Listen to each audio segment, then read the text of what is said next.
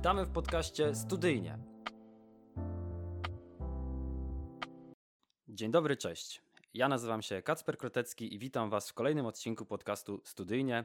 Naszym dzisiejszym gościem jest Radosław Nawrot, poznaniak, dziennikarz zawodowo związany z poznańską redakcją Gazety Wyborczej, piszący także dla działu sport portalu interia.pl, autor kilku książek o sporcie i Lechu Poznań, ale nie tylko i o tym też pewnie dzisiaj porozmawiamy, uczestnik i zwycięzca teleturnieju Wielka Gra z tematu Zwierzęta Wysp Świata.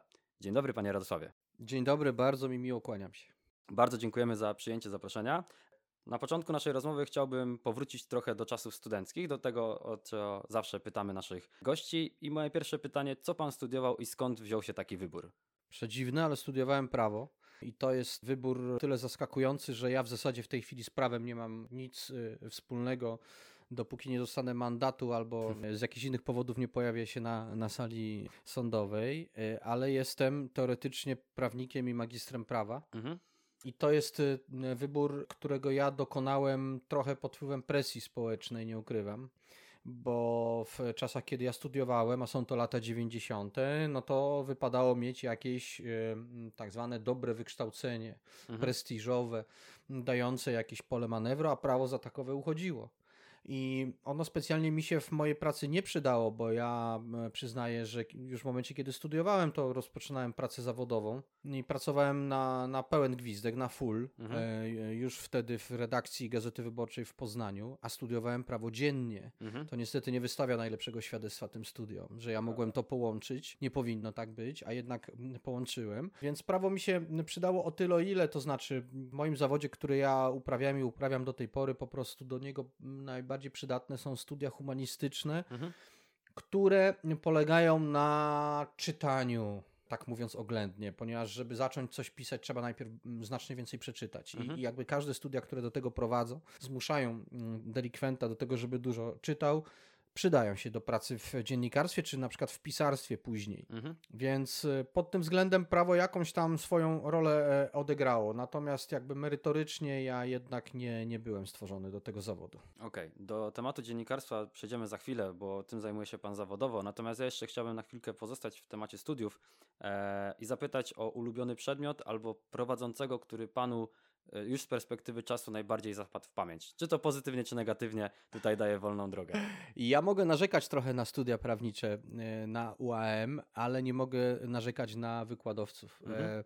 E, nie wiem, jak wygląda sytuacja w tej chwili, bo nie mam kontaktu z, z tymi studiami, ale w moich czasach prawo wykładali, czy sprawa egzaminowali ludzie o naprawdę bardzo dużym prestiżu i myśmy podchodzili trochę do tych egzaminów jak do spotkania z władcą po prostu. To było takie studia typu bizantyjskiego, bym powiedział. To wyglądało w ten sposób, że w trakcie takiego roku na studiach, jakby to powiedzieć oględnie, dla mnie studia to nie jest tylko nauka. Studia to jest przede wszystkim budowanie relacji z ludźmi, pewnej społeczności, i przeżycie w jakimś sensie ciekawie z tego bardzo ważnego momentu swojej młodości. I to się w moim przypadku stało. Ja studiowałem ze świetnymi ludźmi. Studia były dla mnie też gigantycznym wydarzeniem towarzyskim, a to jest ważne. Oczywiście. Nie lekceważyłbym tego, e, bo to nie jest tak, że, że, że studenci sobie tylko chodzą na piwko i, i ogólnie bimbają. Te relacje pozostają na całe życie absolutnie i to jest nie, niezwykle ważna sprawa. W moim przypadku, kiedy ja nie mam nic wspólnego już w tej chwili z prawem zawodowo, zostały mi właśnione więc jakby to jest ten zysk, który ja wyniosłem przede wszystkim z tamtego okresu. I mm, myśmy tak sobie razem żyli przez, przez cały ten rok, aż przychodziła sesja, ona rzeczywiście na prawie była wyjątkowo trudna.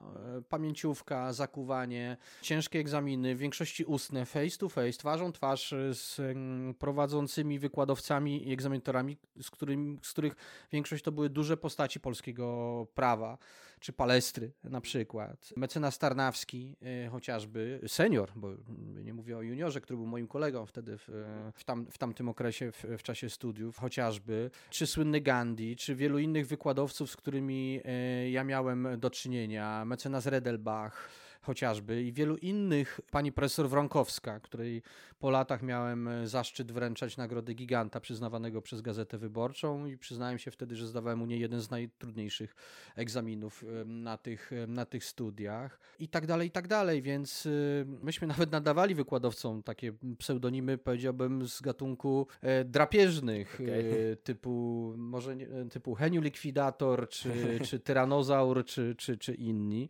To też o czym To była walka. To była walka o przetrwanie na tych egzaminach, zwłaszcza na pierwszym roku, kiedy wylot ze studiów prawniczych w zasadzie był bardzo łatwy. Ja się trochę po pierwszym roku czułem, jakbym wrócił z wojny wietnamskiej, czyli kumple wybici, a jakimś cudem ocalałem, bo to mniej więcej tak wyglądało. Ja nie ukrywam, że mnie na studiach prawniczych interesowało to, co interesowało mnie zawsze także poza tymi studiami, czyli historia. Wszystkie przedmioty związane z ujęciem historycznym prawa były dla mnie przeciekawe. Historia prawa sądowego, zwana sądówką. Kapitalny przedmiot, z którego czerpię do dzisiaj i którego bardzo wyraźne ślady są w mojej książce na przykład, którą napisałem, bo to, to są także dzieje stosowania prawa, czy też quasi prawa, jak na przykład tortury, czy inne tego typu zjawiska w wiekach przeszłych. Doktryny polityczne i prawne, czyli tak naprawdę za, gdzieś tam zakrawędziujący gdzieś w okolicach filozofii, w ogóle całe ujęcie filozoficzne, podejście filozoficzne do, do prawa, wreszcie prawo rzymskie, samo. E, to, co mnie też w miarę interesowało, to było prawo karne, które wydało mi się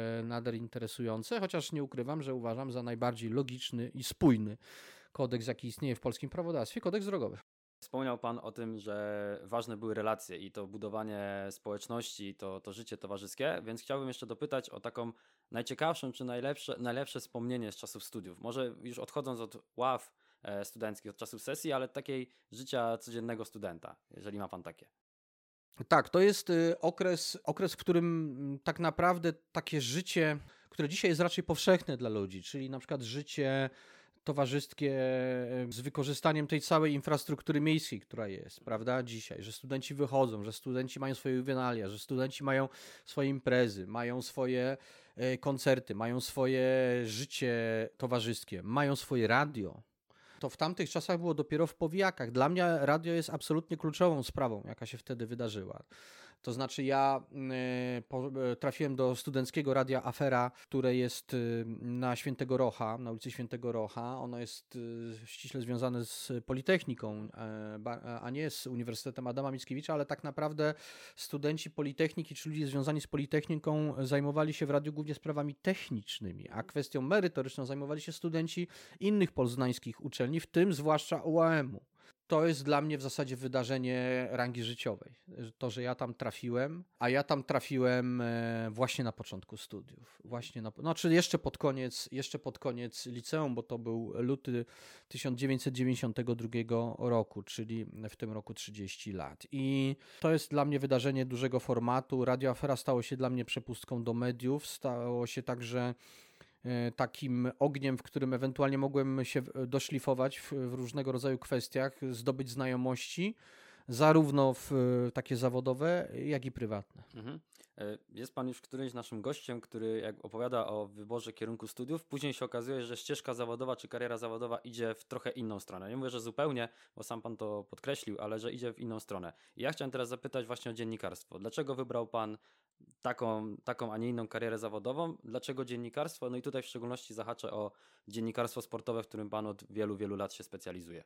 Od dziecka znajdowałem ujście swojej energii w takich dziedzinach życia, które dla mnie były pasjonujące. One nie zawsze miały coś ze sobą wspólnego, ale było w nich coś takiego, co, e, e, co mnie zajmowało niezwykle i sport był taką dziedziną życia. Ja w tym sporcie widziałem nie tylko takie emocje polegające na, na ustalaniu, kto wygrał z kim, gdzie, kiedy, jak i dlaczego, ale przede wszystkim widziałem gigantyczny taki ładunek społeczny.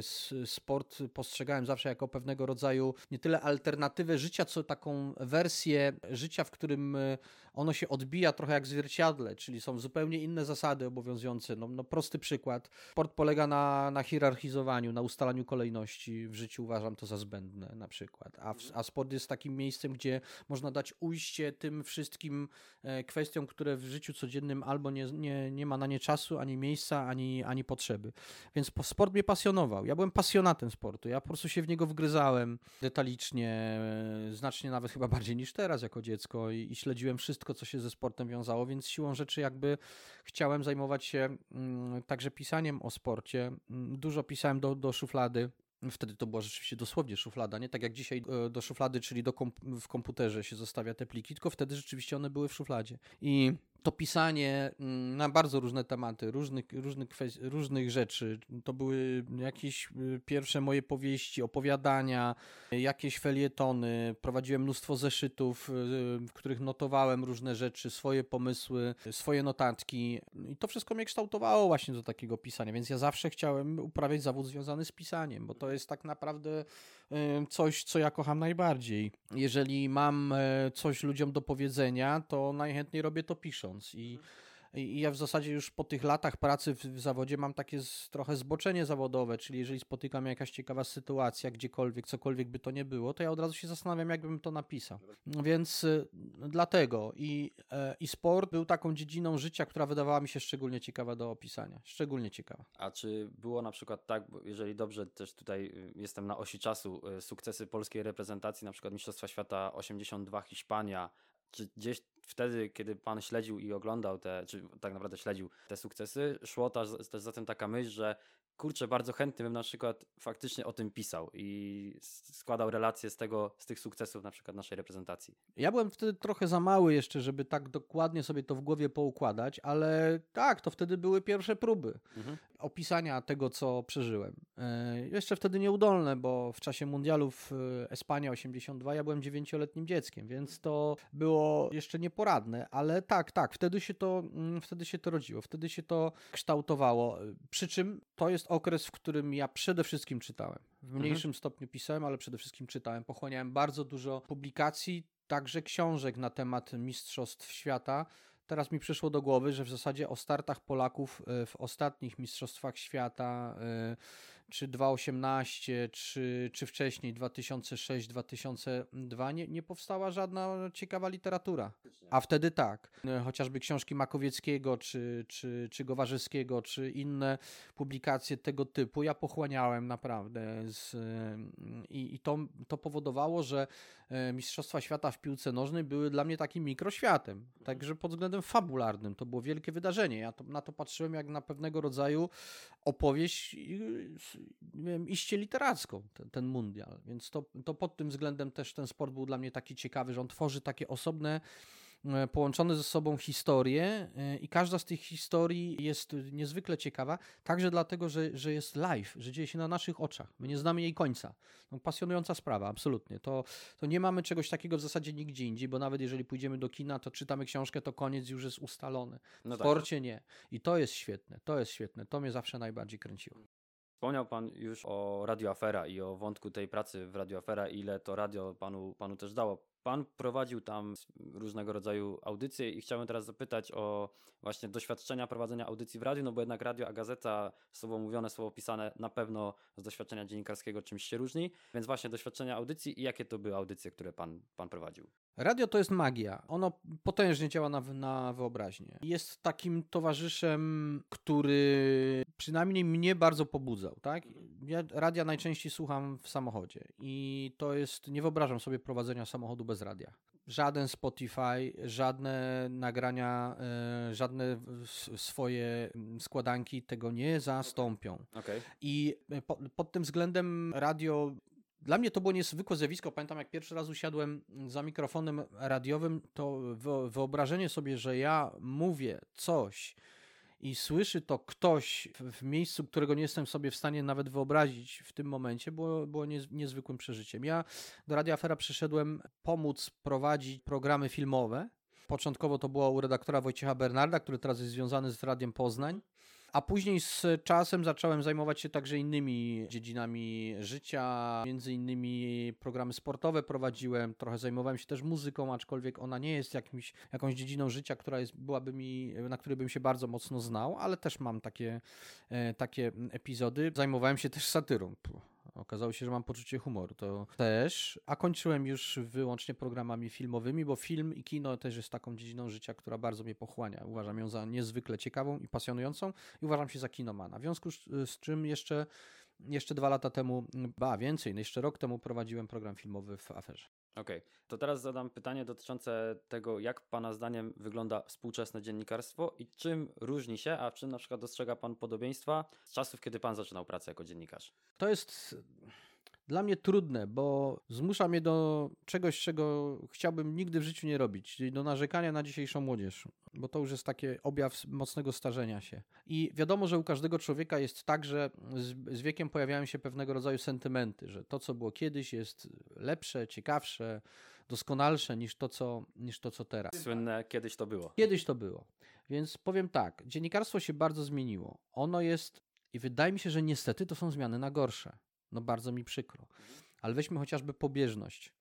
E, weźmy chociażby pośpiech, który zawsze był wrogiem jakości. Mhm. I świat przyspieszył, to znaczy informacje e, docierają do nas i muszą dotrzeć do nas znacznie szybciej niż kiedyś, e, bezzwłocznie, i to powoduje, że ta jakość spada dziennikarstwo stało się tak, że znaczy ono zawsze było w jakimś sensie narcystyczne i kreowało y, ludzi zajmujących się dziennikarstwem na gwiazdy. Ale teraz to jest w zasadzie do sześcianu, można powiedzieć, tak? To znaczy mm, jakby ludzie zaczynają y, być gwiazdami dziennikarstwa bez dorobku jeszcze. I to jest problem. E, zaczynają się tym zachwystywać.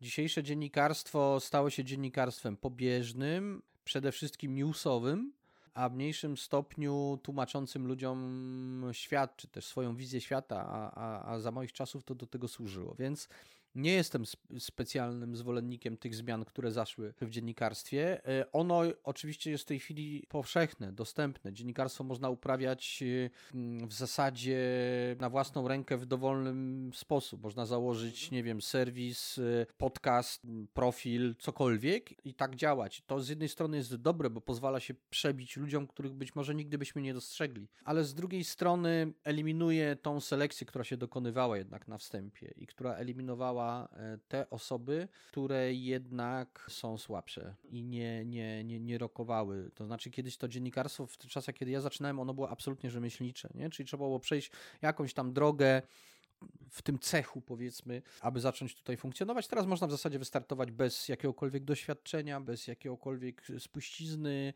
od kogokolwiek i to jest moim zdaniem kluczowa sprawa, ponieważ ja uważam, że w dziennikarstwie bardzo ważne jest to, na kogo się trafi we, we wczesnej fazie, od kogo się człowiek uczy i czy w ogóle się od kogokolwiek uczy. Bo jeżeli się od nikogo nie uczy, albo uczy się od fatalnych ludzi, to sam będzie fatalny. I tu jest e, też pies pogrzebany. Więc dzisiejsze dziennikarstwo uważam jest bardzo nachalne i bardzo męczące. To znaczy jest go pełno. Jest, ono jest wszędzie wokół. Nie daje człowiekowi odetchnąć, nie daje spokoju. Wymaga bezustannej aktywności i przebodźcowuje ludzi. Okej, okay. wspomniał Pan o tych pewnych, no niestety negatywnych cechach, którymi teraz gdzieś tam właśnie cechuje się dziennikarstwo, więc ja zapytam troszkę może przewrotnie, Pana zdaniem, jak to jest być dobrym dziennikarzem i co to tak naprawdę znaczy być dobrym dziennikarzem? Wbrew pozorom to nie znaczy mieć informacje. Okay. Bo informacje, być dobrze poinformowanym, bo to dzisiaj jest jakby urosło do roli cnoty w dziennikarstwie, to jest tak naprawdę kwestia tego, kogo się zna, z kim się tam wypiło kawę, czy może coś mocniejszego i gdzie się ma jakie znajomości, gdzie się wykonało rozmaite umizgi, żeby mhm. te znajomości mieć. Więc nie w tym rzecz. Moim zdaniem być dobrym dziennikarzem to znaczy mieć oczy szeroko otwarte, czyli widzieć więcej. Bo ja zawsze postrzegałem dziennikarzy jako te osoby, które dostrzegą więcej niż ja. Czyli ja chciałbym przeczytać, posłuchać czy usłyszeć od dziennikarzy czegoś, y, na co ja nie zwróciłem uwagi. I nie, nie, nie, nie, interesują mnie informacje dostarczane przez dziennikarzy, bo w zasadzie jest mi wszystko jedno z y, kiedy, w którym momencie i skąd te informacje do mnie dotrą. Ale y, ważne są dla, ważni są dla mnie dziennikarze, którzy potrafią mnie na, naprowadzić na jakieś tropy, ślady jakiś e, sposób myślenia rozwiać moje wątpliwości albo właśnie je pogłębić. W każdym razie zrobić coś z moją głową, tak? To jest ważne dla mnie, żeby to dziennikarz to robił i ja pod tym względem wyszukuję właśnie takich dziennikarzy, w wypadku których poświęcenie uwagi nie jest dla mnie stratą czasu. Czas jest bardzo deficytowy w dzisiejszych czasach i chodzi o to, żeby rozsądnie z nim, nim gospodarować, nie, nie przeznaczać go na, na głupoty. Więc dobre dziennikarstwo to jest dziennikarstwo, które uruchamia jakieś procesy myślowe w głowie. Tak ja to postrzegam. Dziennikarstwo jest, szczególnie w Pana przypadku, jest ściśle powiązane z pisarstwem i też z książkami, o czym sam Pan też wspomniał. Więc ja teraz do tego wątku pisarstwa i książek chciałbym przejść i zapytał na początek, co lubi Pan w ogóle w pisaniu książek, bo jest Pan autorem wielu publikacji i też nad którą książką się Panu najtrudniej czy też najdłużej pracowało? Pisanie książek się drastycznie różni od, od dziennikarstwa. Przede wszystkim tym, że w przypadku pisania książek mówimy o e, książkach, które nie dotykają e, takiej struktury ściśle dziennikarstwie, typu książek reportażowych i tak dalej. Mówimy o książkach fabularnych, mm, beletrystyce, powieściach, etc., etc. Otóż mm, książki dają to, e, czego dziennikarstwo dać nie może, czyli mm, pozwalają popuścić wodze fantazji. Stworzyć własne światy, czego dziennikarzowi robić nie wolno. I to jest tak naprawdę dla mnie niezwykle pasjonujące. Ja uwielbiam tworzyć te światy, całe światy, e, w zasadzie dobudowywać do nich kolejne, kolejne warstwy, kolejne przestrzenie, tworzyć bohaterów, dawać im osobowości, dawać im słowa, przemyślenia, dawać im życie i, i tworzyć określone historie, które nigdy się nie wydarzyły. I zapraszać do tego świata ludzi. I w momencie, kiedy ludzie e, do tego świata wejdą i uznają, że jest dobrze im w tym świecie, który ja stworzyłem, w tej fabule, w tych okolicznościach, które ja stworzyłem, no to to jest coś fantastycznego dla autora, że człowiek czytający książkę przenosi się w zasadzie zupełnie do in innej rzeczywistości i jest mu w niej dobrze.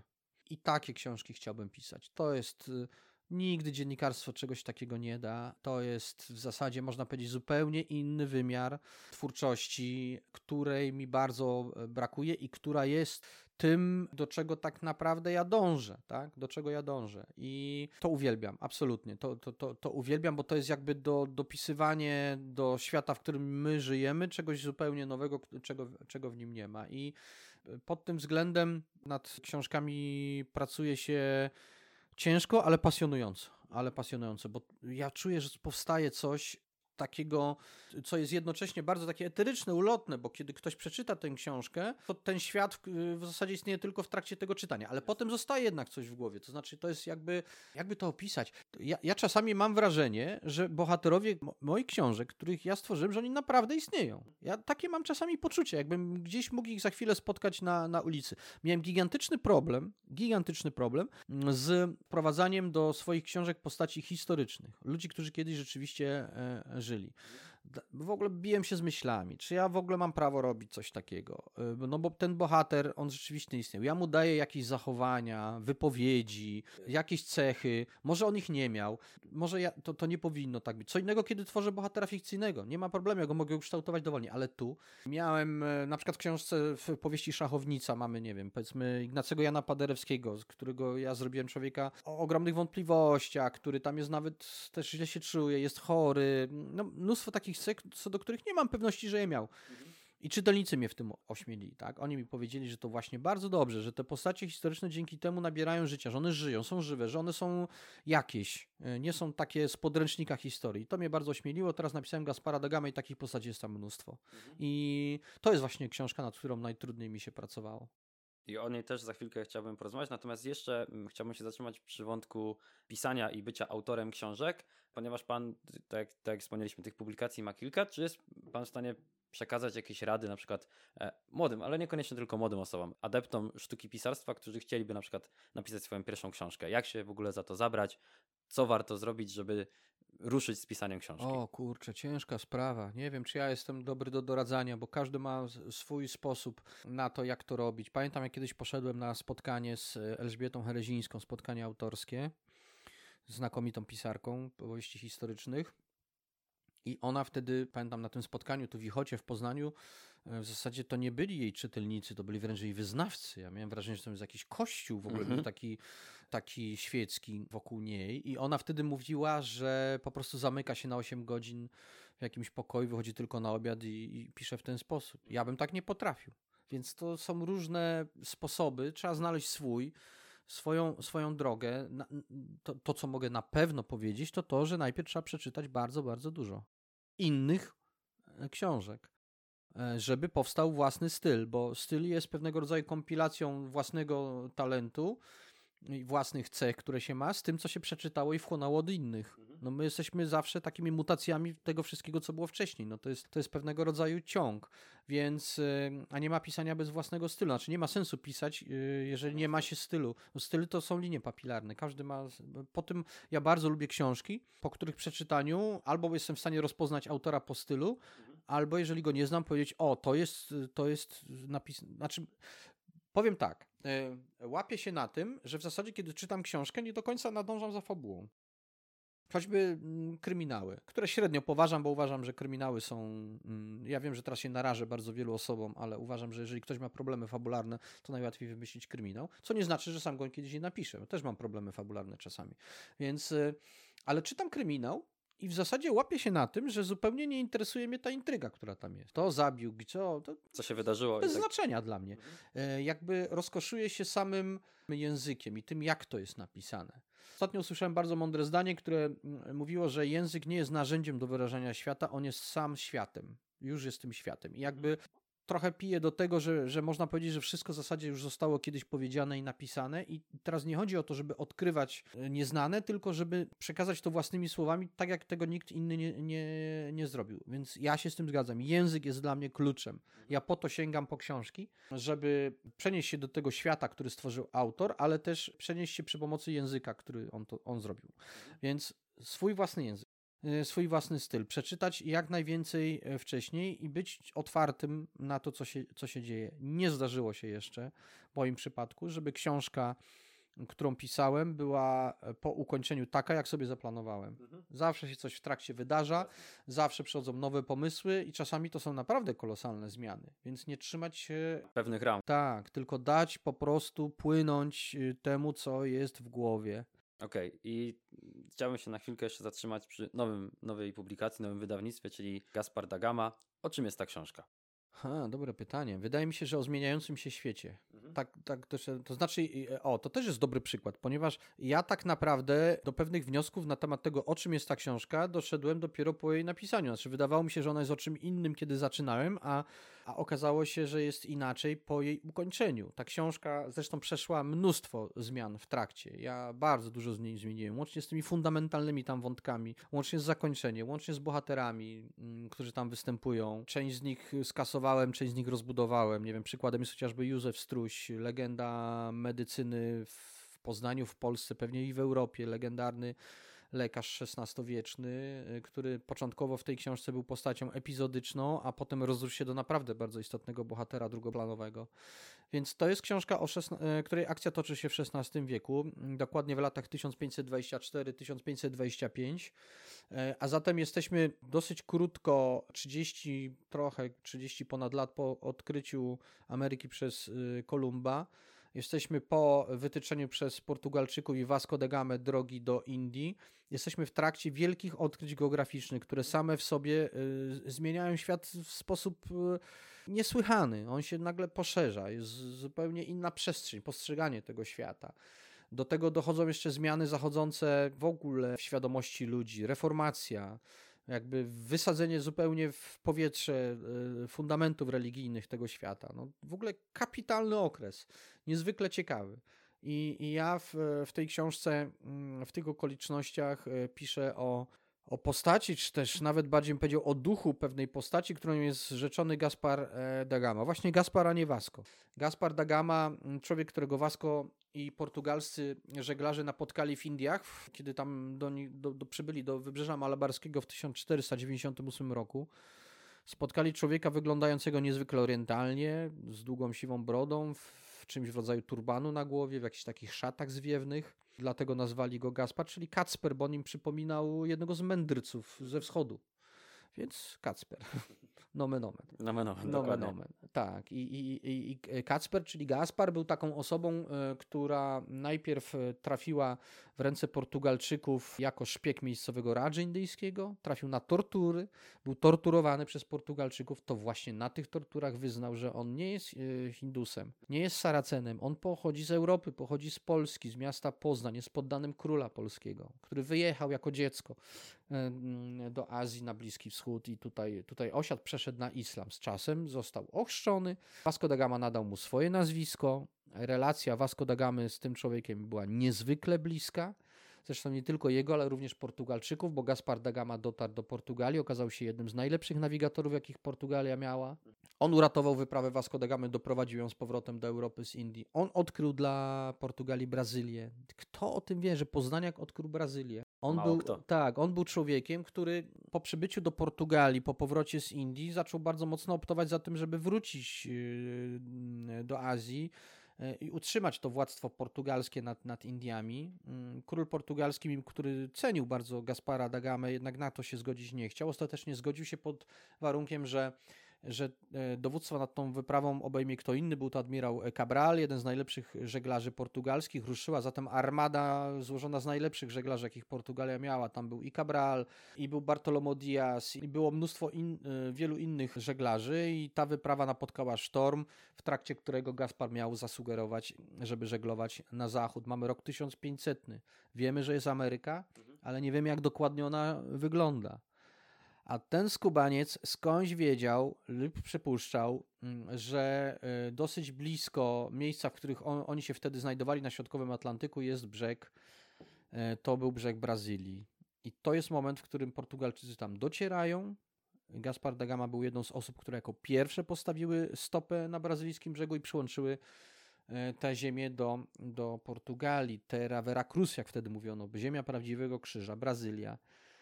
I pamiętam, jak w roku 2013 mm, leciałem do Brazylii, do miasta Salvador de Bahia przez Lizbonę, portugalskimi liniami lotniczymi i samolot, którym leciałem, miał wymalowane na kadłubie nazwisko Cabral, bo oni nazywają samoloty y, nazwiskami tych swoich wielkich odkrywców. Wracałem Vasco da Gamą, leciałem Cabralem i pomyślałem sobie, kurczę, gdzie jest Gaspar w tym wszystkim? Dlaczego nikt o nim nie pamięta? Dlaczego Poznań o nim nie pamięta? Facet, który potem przepadł bez śladu, nie wiadomo co się z nim stało. I książka jest o tym, co mogło się stać. To jest jedna z tych wersji, z tych właśnie światów takich stworzonych na temat tego, co mogło się stać z, Gasparem i jaką on odegrał tak naprawdę e, rolę. To jest historia trochę szpiegowska, trochę taka bym powiedział, jest tam trochę politycznej rozgrywki, trochę awanturniczo-przygodowa, bo jest też y, sporo mm, podróży, żeglowania. Są Portugalczycy, którzy próbują znaleźć Gaspara i są Hiszpanie, którzy także ruszają jego tropem. Są XVI-wieczne Indie pod władaniem Portugalii, jest konkwista Hernana Corteza w Meksyku i wreszcie jest Poznań, XVI-wieczny, miasto wtedy w rozkwicie, absolutnym rozkwicie. To jest jeden z najwspanialszych okresów w dziejach Poznania. Mm, Więc to jest świat, który stworzyłem w tej książce. Mhm. Ja teraz zwrócę się do naszych słuchaczy i zachęcam do tego, żeby ze słuchania zamienić się w czytelnika i zapoznać się z nową książką pana Radosława, czyli Gaspar Gama, bo tak jak słyszeliście, liczba wątków, która tam się pojawia, jest naprawdę fascynująca. A było więcej. A było ich więcej w toku, w toku tworzenia, więc myślę, że każdy będzie zadowolony z, z lektury tej, e, tej książki. Poruszył Pan już też wątek podróży, bo wspominał Pan o podróży do, do Brazylii. Z tego, co mi się udało też dowiedzieć, jest Pan też zafascynowanym podróżnikiem. I teraz chciałem o ten wątek zahaczyć i zapytać, co najbardziej Pan lubi w podróżach i czy jest jakaś taka szczególna historia z tych wielu podróży, które Pan odbył, która gdzieś najbardziej zapadła pamięć? Czy może była najbardziej zaskakująca? To jest tak, że bardzo często ludzie zadają mi, mi pytanie, gdzie mi się najbardziej podobało, e, co postawiłbym na miejscu pierwszym, jaka była najbardziej niesamowita podróż albo miejsce, które widziałem. I to jest trochę wychodzi naprzeciw temu, co, o czym powiedziałem na wstępie, że ja się zajmuję sportem, który stawia na, na klasyfikację, na hierarchizację, ale życiu to chyba nie jest takie konieczne. Ja unikam tego typu zestawień. Wydaje mi się, że każda podróż y, jest inna, te miejsca trudno ze sobą zestawić. Każda ma swoją historię odrębną i w zasadzie po co je hierarchizować, tak się zastanawiam. To jest tak, że każda podróż to jest nowa opowieść, nowa przygoda i tak, to, to jest to, co ciągnie mnie najbardziej, przy, przygody. Czyli to trochę jak, jak z pisaniem książek, przeniesienie się do zupełnie innego świata na jakiś czas, na nie wiem, parę dni, tygodni, miesięcy, w zależności od tego, jak długa ta podróż jest, i oddanie się temu światu w całości wtedy. Takie otwarcie też głowy na to, co może nas spotkać.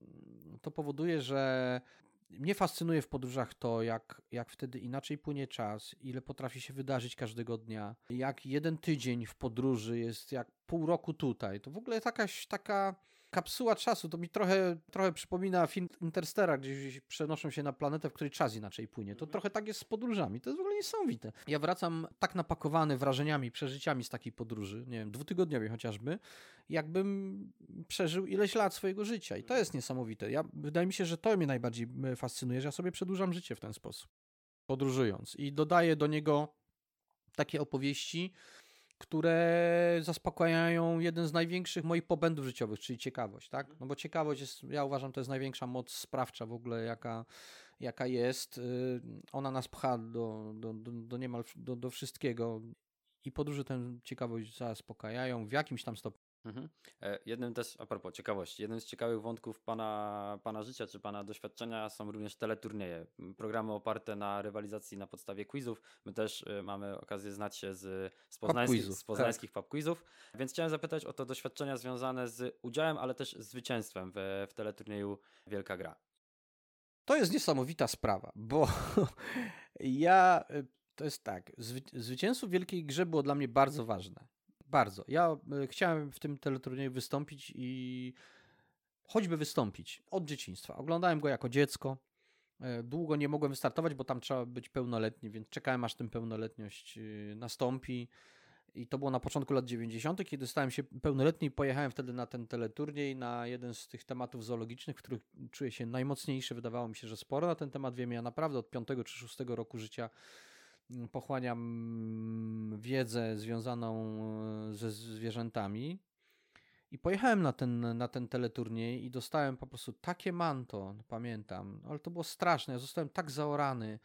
E, w zasadzie okazało się, że niczego nie wiem. I znaczy inna sprawa, że eliminacje wielkiej gry to były naprawdę eliminacje niezwykle trudne, niezwykle detaliczne. Mhm. Ja się tego nie spodziewałem.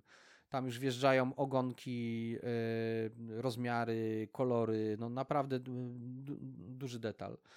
I to jest trochę jak, jak w sporcie, to znaczy do, do przerwy było 0-1, albo może i wyżej, ale była druga połowa i ja to potraktowałem w ten sposób, żeby jednak spróbować się podciągnąć i, i wziąć rewanż, tak, i, i próbowałem. I ja w sumie w swoim życiu wygrałem wielką grę tylko raz. Yy, znacznie więcej razy ją przegrałem a jednak ten jeden raz jest trochę jak, jak zwycięstwo Hanta Formule 1, po prostu wystarczy na całe życie. I, I to było dla mnie niezwykle ważne przeżycie. Ja często porównuję do takiego filmu w latach 70. nakręcono taki film złożony z kilku odcinków, on się nazywał Najważniejszy Dzień Życia. I to, to ten film wyglądał w ten sposób, że reporter radiowy krąży po ulicach bodajże Warszawy i pyta ludzi, przepraszam, jaki był pana, pani najważniejszy dzień w życiu. Większość nie ma dla niego czasu, ale co chwilę ktoś się zatrzymuje i opowiada mu właśnie taką, taki dzień czy taką historię i to jest jeden z, jeden z odcinków tego filmu. I pierwszy odcinek, polecam obejrzenie, to jest odcinek z niezapomnianą Ryszardą Hanin, taką babulinką w takiej właśnie chustce, która mu mówi, a jak panu powiem, że to było tam tego i tego dnia w tym i tym roku, to pan uwierzy? On, reporter pyta, co się wtedy stało? Ona mówi, no wygrałam wielką grę. I to jest, coś w tym jest, bo Ryszarda Hanin gra osobę, która dzięki zwycięstwu w wielkiej grze zyskuje w oczach ludzi mhm. jakiś taki szacunek, którego wcześniej nie miała. Ja się trochę tak poczułem i do tej pory się tak czuję. E, tego teleturnieju nie ma kurczę od 17 lat. Mhm. Przepraszam, od 16, bo w 2006 roku, krótko po mojej wygranej, Bronisław Wilcztań zlikwidował szef ówczesnej telewizji, zlikwidował Wielką Grę jako komunistyczny relik, nie patrząc e, na to, że jak dla wielu ludzi było to ważne. No, dla niego to nie miało najmniejszego znaczenia. I tyle lat myślę, że już sporo mm, osób, które nigdy nie widziało tego teleturnieju na własne oczy. Mm. Albo wydaje mi się im archaiczny. Myślę, że wielu naszych słuchaczy no na przykład, na przykład należy do tego grona. A jednak ja cały czas słyszę pytania na ten temat. To jest jakbym się czuję jakbym, kurczę, nie wiem, jakbym taki trochę Kolumb, no. Albo Vasco da Gama. I to jest nie, nie, niezwykłe, niezwykłe. Ja nie przypuszczałem, że to się będzie za mną tak, tak długo ciągnęło. E, to znaczy, że wygrać duży teleturniej w telewizji to coś znaczy. No tak. To coś znaczy. I to daje ludziom e, możliwość zyskania uznania w, w oczach osób, które ich otaczają. I to jest świetne. Ja jestem fanem teleturniejów. Uwielbiam je, zawsze je uwielbiałem. To jest w ogóle jedna z najukochańszych rozrywek. E, zwłaszcza te teleturnieje wiedzowe, które jakby mm, pozwalają też pokazać, co się ma, co się ma w głowie, jaką się ma pamięć, co się wie. Teraz, ponieważ moja pamięć już jest zawodna, nie taka jak w dawnych czasach, to bardziej zajmuję się tworzeniem teleturniejów, na przykład tworzeniem pytań do Mhm. nich, a już nie uczestnictwem w nich, ale nadal je kocham. I nadal je oglądam i nadal chętnie w nich ucz- uczestniczę. I był taki moment, kiedy zwątpiłem w teleturnieje. Wydawało mi się, że to już ich czas przeminął, że teraz w zasadzie, mm, jeżeli robić teleturniej, to tylko taki z wygłupami, jakiś. Ale nie, nie jest tak. Idziemy na te pub quizy, tyle drużyn, w ogóle ludzie chcą spędzać czas w ten sposób. Nie- Niesamowite w ogóle to jest. To jest dla mnie takie zjawisko, które mm, bardzo mnie buduje, więc y, wszystkie teleturnieje, które są pokazywane, staram się oglądać. No i na sprawa, że część z nich oglądam też trochę służbowo, bo jakby mm, współpracuję przy ich tworzeniu, ale wszystkie je oglądam z ogromną przyjemnością. Czy to jest Wabank, czy jeden z dziesięciu, czy milionerzy, wiele innych teleturniejów. To jest dla mnie, znaczy nie, nie, nie, ma takiej możliwości, żebym ja natrafił w telewizji na teleturniej przełączył.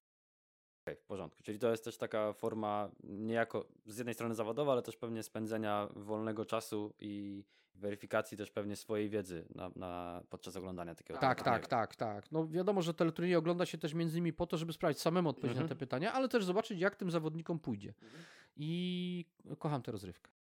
Niejako zbliżając się do końca naszej rozmowy, ja chciałbym teraz zahaczyć trochę wątek przyszłości, bo przed chwilą przenieśliśmy się- się trochę e, w przeszłość, już abstrahując od Gaspara Dagamy, ale od czasów pana zwycięstwa w Wielkiej Grze, chciałem zapytać o plany na przyszłość. To znaczy, to jest tak, że z wiekiem bardzo się zmieniają e, priorytety.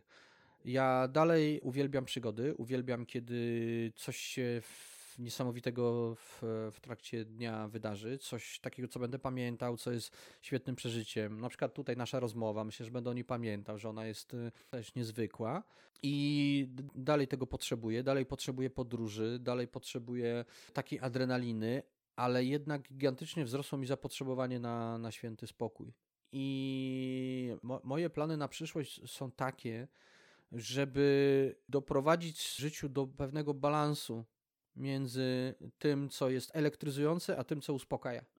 I mieć też czas na wypoczynek, który zawsze lekceważyłem. I to był błąd. Ale to jest błąd, który popełnia każdy z nas, kiedy jest młody, kiedy ma dużo sił i wydaje mu się, że, że w zasadzie szkoda czasu na odpoczynek. Tak, że 24 godziny doby wystarczą do pracy i, i bez odpoczynku. to zapewniam, że to minie, że przyjdzie taki moment, kiedy ten wypoczynek będzie bardzo ważny. Ja go dzisiaj nie lekceważę.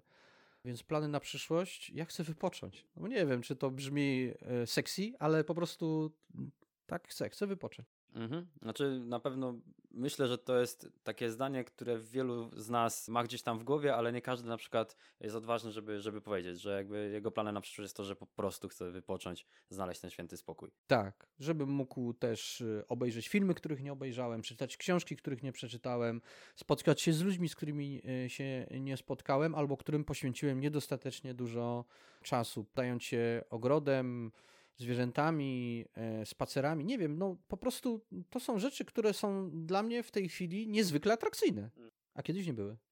I tak naprawdę już zbliżając się do końca, trochę już Pan opowiedział o tym swoim sposobie na odpoczynek, relaks, tak? Czyli gdzieś mm, teleturnieje, ale też pewnie takie, nazwijmy to proste prace, jak, jak jak właśnie ogród, czy już y, wspomniane czytanie książek, więc zapytam o, o ten Pana gdzieś tam sprawdzony sposób na odpoczynek, relaks. I z racji tego, że oboje jesteśmy wielkimi również fanami Lecha Poznań, który świętuje Mistrzostwo Polski, to zapytam też pod kątem przyszłości o, o to, czy Pana zdaniem zakwalifikują się do Ligi Mistrzów i jak Pana zdaniem może wyglądać ten sezon po sezonie stulecia, który był tak ważny dla, dla klubu. Lech Poznań, czy w ogóle kibicowanie jakiemukolwiek klubowi sportowemu, to akurat nie jest dobry sposób na odpoczynek. Mhm. To jest bardzo angażujące, bardzo absorbujące. I trzeba zdawać sobie sprawę, znaczy to jest w zasadzie narkotyk, tak? Jakby to jest uzależnienie specjalnie różniące się od innych używek.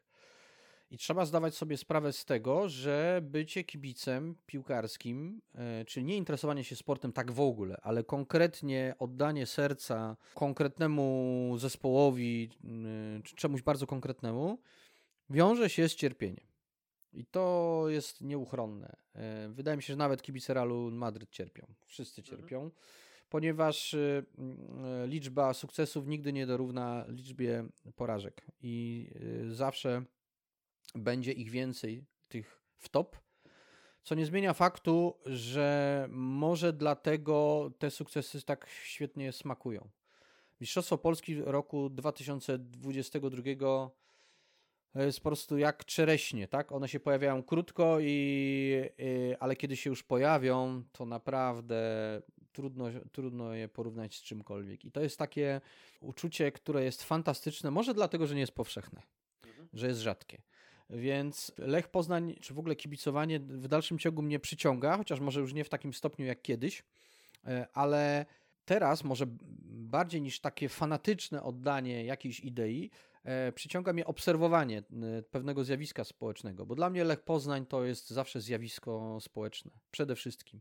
To są ludzie i emocje, które tymi ludźmi kierują w związku z, z, z Lechem. Śmiem twierdzić, że biorąc pod uwagę cały ten potencjał, który drzemie w kibicach Lecha, e, to, co się z nimi działo w ostatnich latach, e, ta gorączka, to znaczy te stany bardzo letnie i przejście szybko do gorączki, w ogóle te, te stany emocjonalne, w których kibice się tutaj znajdują, powodują, że ja jestem gotów postawić odważną tezę, że nie ma ciekawszego klubu piłkarskiego w Polsce. Ciekawszego. Ja nie mówię, że lepszego, bo lepsze pewnie może byśmy znaleźli w całej historii futbolu, ale ciekawszego do, dla socjologa, dla kogoś, kto to obserwuje, to, to wydaje mi się, że nie ma. Jeżeli ktoś jest ciekaw świata, tak w ogóle, to ja się zasta często zastanawiam, jakim cudem może nie interesować się sportem, piłką nożną, czy partykularnie Lechem i obserwować tego. Mhm. Że to jest pasjonująca sprawa w ogóle. I e, to, co się wyprawia. A mówiąc konkretnie, czy Lech jest w stanie awansować do Ligi Mistrzów, no to jest tak, no czegoś nas kurcze to mistrzostwo nauczyło.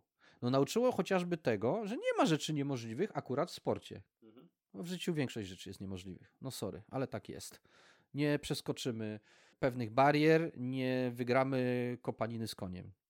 A w sporcie tak. Sport w tym ujęciu e, jest e, trochę baśniową dziedziną życia. Tutaj naprawdę się mogą dziać rzeczy, o których nie mamy pojęcia. Ten sezon, ta końcówka jest świetnym tego przykładem. 2 maja konia z rzędem temu, kto by uwierzył w to, co się wydarzyło. Niesamowita historia, tak jak powiedziałem, o literackim ładunku to, co się wydarzyło w ciągu jednego miesiąca, dwóch tygodni. Mhm. Przecież to jest, to, jest, to jest kapitalna fabuła, dziejąca się na naszych oczach, w której wszystko jest możliwe. No Andersen, Grimm, no po prostu wszystko razem. To jest niesamowite i to mnie bardzo kręci. W związku z czym, jak ktoś mnie pyta, e, pan mnie pyta o Ligę Mistrzów, to ja mogę powiedzieć to samo. Na dzisiaj mogę powiedzieć, że w ogóle nie ma szans, gdzie tam, no gdzie z tym współczynnikiem w ogóle, no mhm. skąd... Po czym przyjdzie wrzesień i okaże się, że na szczęście to jest sport, a nie realne życie.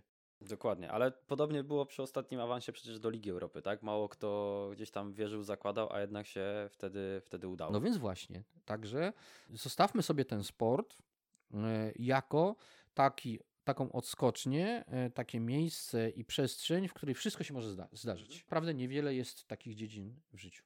Panie Radosławie, ja chciałbym bardzo serdecznie podziękować przede wszystkim za przyjęcie zaproszenia do naszego, do naszego podcastu, ale również za niezwykle inspirującą i, i ciekawą rozmowę. Bardzo mi było miło, dziękuję. Jeśli ktoś wysłuchał, to moje układy. Dziękuję za zaproszenie. Dziękuję bardzo i do usłyszenia. Do usłyszenia.